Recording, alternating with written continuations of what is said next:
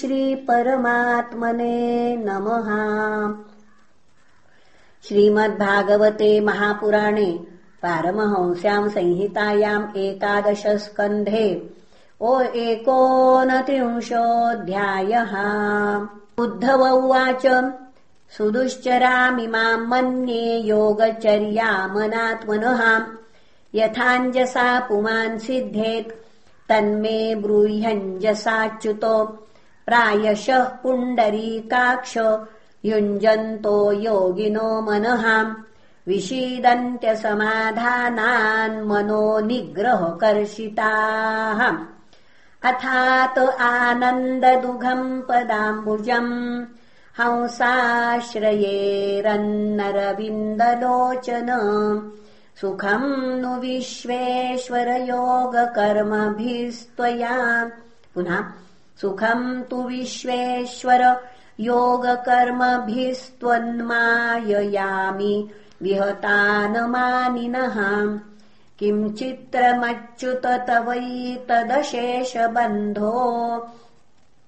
दास्येष्वनन्यशरणेषु यदात्मसात्वम् यो रोचयत् सह मृगैः स्वयमीश्वराणाम् श्रीमत्किरीटतटपीडितपादपीठः तम् त्वाखिलात्मदयितेश्वरमाश्रितानाम् सर्वार्थदम् स्वकृतविद् विसृजेत् को नु को वा भजेत् किमपि विस्मृतयेऽनुभृत्यै भूत्यै पुनः को वा भजेत् किमपि विस्मृतयेऽनुभूत्यैर्किं वा भवेन्न।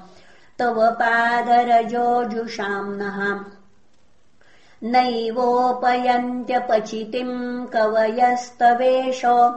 ब्रह्मायुषापि कृतमुद्धमुदः स्मरन्तः योऽन्तर्बहिस्तनुभृतामशुभम् विधुन्वन्नाचार्य चैत्य वपुषा स्वगतिम् व्यनक्तिम् श्रीशुक उवाच इत्युद्धवेनात्यनुरक्तचेतसा पृष्टो जगत्क्रीडनकः स्वशक्तिभिः। गृहीतमूर्तित्रय ईश्वरेश्वरो जगादस प्रेम मनोहरस्मितः श्रीभगवानुवाच हन्तते कथयिष्यामि मम धर्मान् सुमङ्गलान्। याच्छ्रद्धयाचरन्मर्त्यो मृत्युम् जयति दुर्जयम् कुर्यात् सर्वाणि कर्माणि मदर्थम् शनकैः स्मरन् मय्यर्पितमनश्चित्तो मद्धर्मात्ममनोरतिः। देशान् पुण्यान्नाश्रयेत् मद्भक्तैः साधुभिः श्रितान् देवासुरमनुष्येषु मद्भक्ताचरितानि च। पृथक् सत्रेण वा मह्यम् पर्वयात्रा महोत्सवान् कारयेद्गीतनृत्याद्यैर्महाराज विभूतिभिः मामेव सर्वभूतेषु बहिरन्तरपावृतम् ईक्षेतात्मनि चात्मानम् यथाखममलाशयः इति सर्वाणि भूतानि मद्भावेन महाद्युते सभाजयन्मन्यमानो। ज्ञानम् केवलमाश्रितः। ब्राह्मणे पुलुकसेस्तेने ब्रह्मण्येऽर्के स्फुलिङ्गके अक्रूरे क्रूरके चैव समदृक्पण्डितो मतः। नरेष्वभीक्ष्णम् मद्भावम् पुंसो भावयतोचिरात् स्पर्धासूयातिरस्काराः साहङ्कारा वियन्तिः विसृज्य स्मयमानान् स्वान् दृशम् व्रीडाम् च दैहिकीम्। प्रणमे दण्डवद्भूमावाश्चाण्डालगोखरम् यावत् सर्वेषु भूतेषु मद्भावो नोपजायते तावदेवमुपासीत। वाङ्मनः कायवृत्तिभिः सर्वम् ब्रह्मात्मकम् तस्य। विद्ययात्ममनीषयाम् परिपश्यन्नुपरमेत् सर्वतो मुक्तसंशयः। अयम् हि सर्वकल्पानाम् सध्रीचीनो मतो मम। मद्भावः सर्वभूतेषु मनोवाक्वायवृत्तिभिः न ह्यङ्गोपक्रमे ध्वंसो मद्धर्मस्योद्धवाण्वपि। मया व्यवसितः सम्यङ् निर्गुणत्वादनाशिषः। यो यो मयि परे धर्मः कल्प्यते निष्फलाय चेत् तदा यासो निरर्थः स्यात् भयादेरिव सत्तम एषा बुद्धिमताम् बुद्धिर्मनीषा च मनीषिणाम् यत्सत्यमनुनृतेनेहोम् मर्तेनाप्नोति मामृतम् एष ते भीतः कृष्णो ब्रह्मवादस्य सङ्ग्रहः समासव्यासविधिना देवानामपि दुर्गमः अभीक्ष्णशस्ते गदितम्। ज्ञानम् विस्पृष्टयुक्तिमत्। एतद्विज्ञायमुच्चेतो। पुरुषो नष्टसंशयः।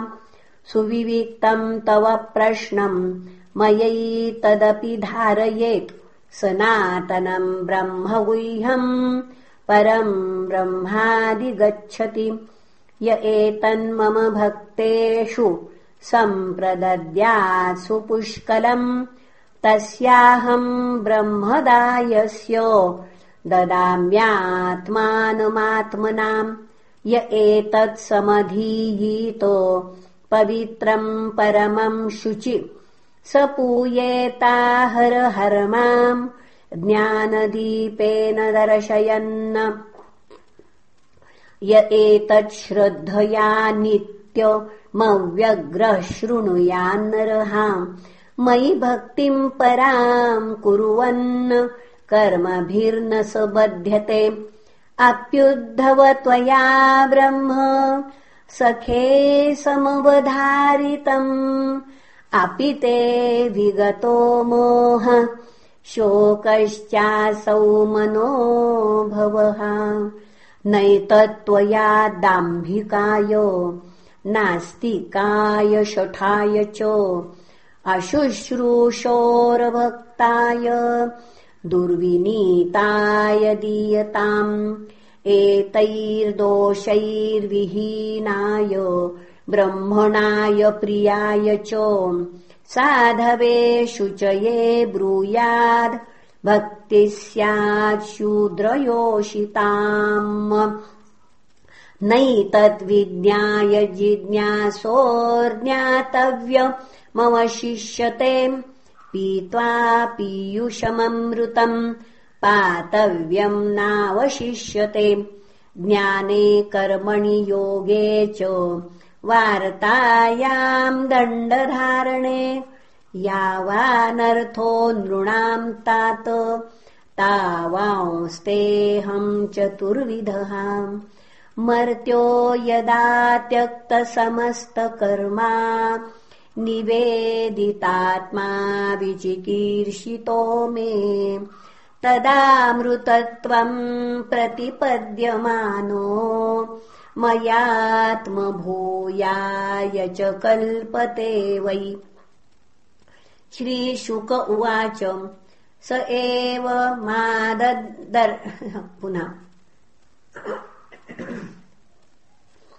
श्रीशुक उवाच। स एव मादर्शितयोगमार्ग स्तदोत्तमश्लोकवचो निशम्य। बद्धाञ्जलिः प्रीत्युपरुद्धकण्ठो न किञ्चिदूचेषु परिप्लुताक्षः। विष्टभ्यचित्तम् प्रणयावघूर्णम्। धैर्येण राजन् बहुमन्यमानः। कृताञ्जलिः प्राह यदुप्रवीरम्।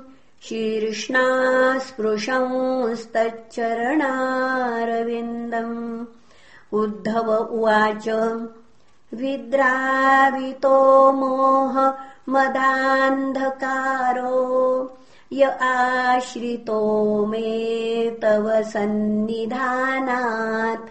विभावसोः किम् नु समीपगस्य शीतम् तमोभि प्रभवन्त्यजाद्य प्रत्यर्पितो मे भवतानुकम्पिना भृत्याय विज्ञानमय प्रदीपः हित्वा कृतज्ञस्तव पादमूलम् कोऽन्यत्समीयात् शरणम् त्वदीयम् वृक्नश्च मे सुदृढ स्नेहपाशो दाशार्हवृष्णन्धकसात्वतेषु प्रसारित सृष्टिविवृद्धये त्वया स्वमायया ह्यात्म सुबोधहेतिना। नमोऽस्तु ते महायोगिन् प्रपन्नमनुषाधिमाम् यथा त्वच्चरणाम्भोजे रतिः स्यादनपायिनी श्रीभगवानुवाच गच्छोद्धवमयादिष्टो बदर्याख्यम् ममाश्रमम् तत्र मत्पादतीर्थोदे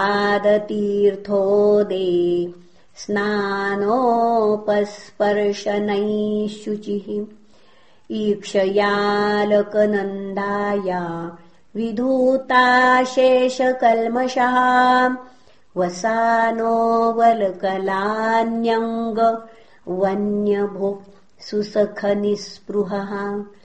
तितिक्षुर्द्वन्द्वमात्राणाम् सुशीलः संयतेन्द्रियः शान्तः समाहितधियाम् ज्ञानविज्ञानसंयुतः मत्तोऽनुशिक्षितम् यत्ते विविक्तमनुभावयन् मय्यावेशितवाक्चित्तो मद्धर्मनिरतो भवम्। अतिव्रजगतिस्तिस्रो मामेष्यसि ततः परम्। श्रीशुक उवाच स एव मुक्तो हरिमेधसोद्धव। प्रदक्षिणम् तम् परिसृत्य पादयोः। शिरो